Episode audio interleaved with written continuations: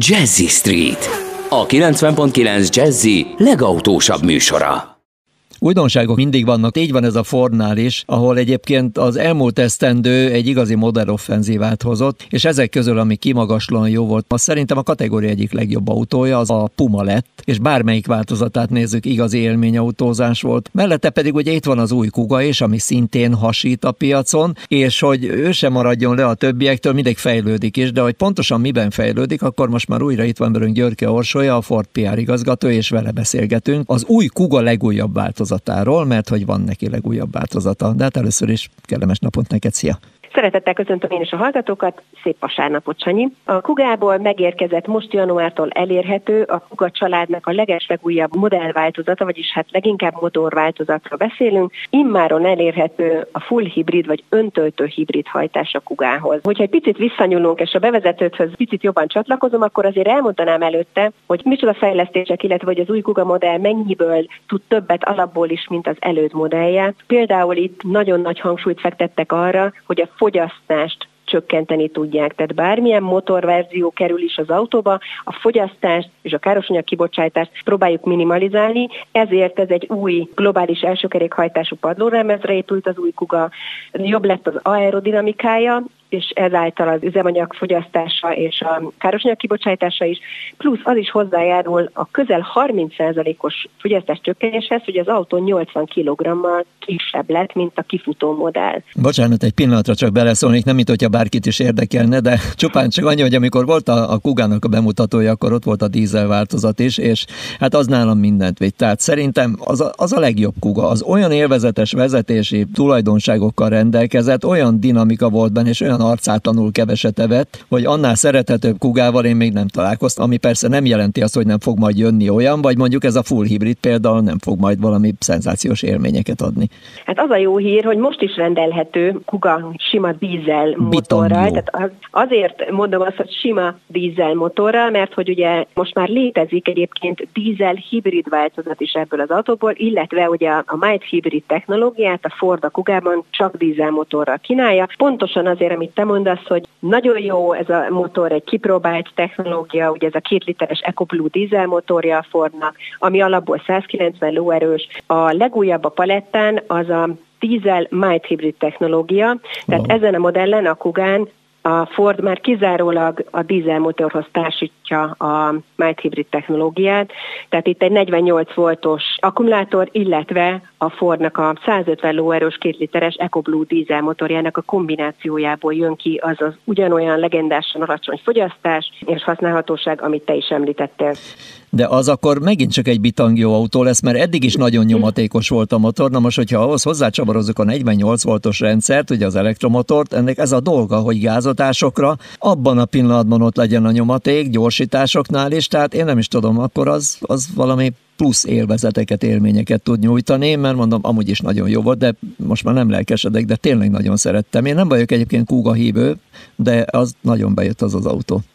Hogyha a motorváltozatok felsorolásánál tartunk, akkor azért a Kugánál érdemes megemlíteni, hogy azon kívül, hogy van természetesen egy együttős EcoBoost motorral szerelt változat, amely 150 lóerős. Ezen a modellen mutatkozott be először a Ford plug-in hibrid hajtása, ez egy kettő és feles, vagyis két és fél literes Atkinson ciklusú motorból, és egy akkumulátorból áll. Ez ugye a tölthető hibrid kategória a Fordnál. Ez az autó rendelkezik a legkisebb fogyasztási és károsanyag kibocsátási értékekkel, hiszen itt 72 kilométert is akár képes megtenni nulla károsanyag kibocsátással, amíg ugye a, a, tisztán az elektromos hajtást vesz igénybe, és ez például tudja azt eredményezni, hogy ez az autó 100 kilométeren akár 1,2 litert fogyaszt. Nyilván ez az adat, hogyha elfogy a teljes töltés, és kizárólag a benzinmotort használjuk, akkor fölfelé fog menni, de azért ez mindenképpen szemlélteti, hogy ez, ez egy remek fogyasztású autó. Bocsánat, Igen? bocsánat,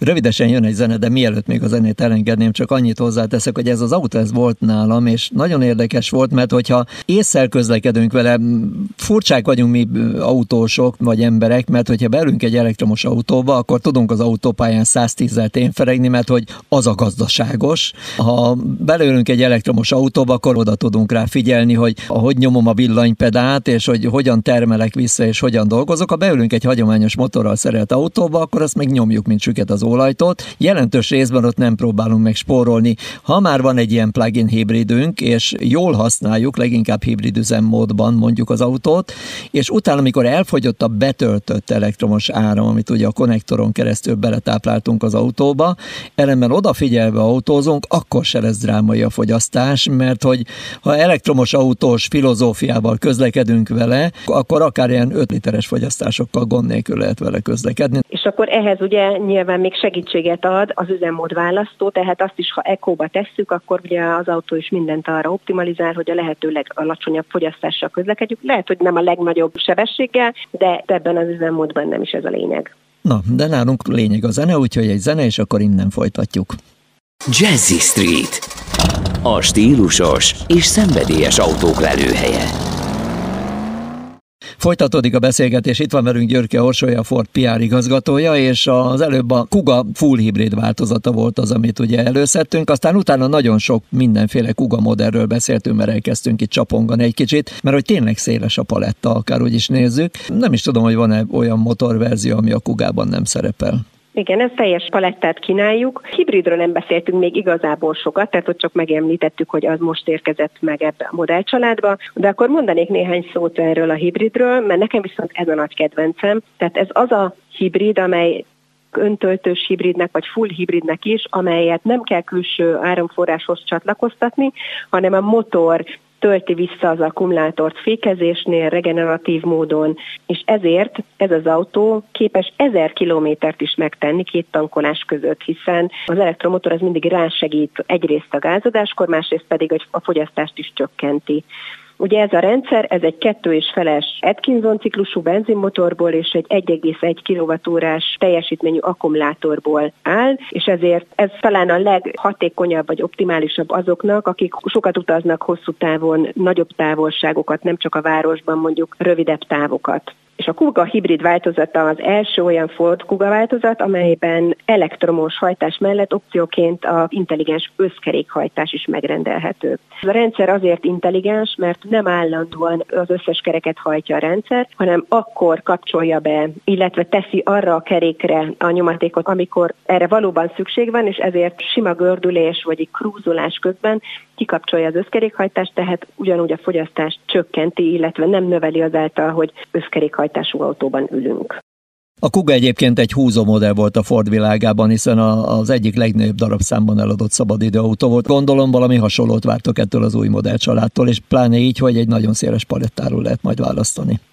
Igen, ugye tavaly érkezett meg a Kuga Magyarországra is, egy elég szerencsétlen módon pont a tavaszi Covid hullám kellős közepén, tehát a bevezetése nem volt annyira gördülékeny, mint ahogy ezt mi hosszú hónapok alatt megterveztük, de dolgozunk azon, hogy folyamatosan meggyőzzük a kedves ügyfeleket arról, hogy ez mennyire nagyszerű ez az autó. Szép lett kívül és belül, tele van olyan technológiákkal, amik meggyőzek, ha meg még mellette tényleg olyan keveset fogyasztanak, mind amilyen keveset fogyasztott a dízel is, és hát tulajdonképpen nagyon kedvező volt a fogyasztása a plug-in hibrid változatnak is, amiről beszéltünk is itt a műsorban. És a Might hibrid verzió is, hogyha valaki ragaszkodik azért, hogy egy dízelmotor legyen az autóban, mert hogy ő hosszú távokat sokat autózik, de mégis környezetbarát legyen, akkor mindezt egy Might Hybrid dízel verzióval kombinálva pedig hát tényleg fergeteges élményeket lehet begyűjteni. Jó lett a futóműve, jó lett az irányíthatósága, szép lett, kellemes lett, tehát egy, egy nagyon jó kis cucc, de hát a koronavírus rosszkor érkezett. Reméljük hamarosan túl leszünk rajta. Na hát köszönöm szépen, hogy itt voltál, és további kellemes hétvégét neked. Szia! Én is köszönöm, és szép vasárnapot!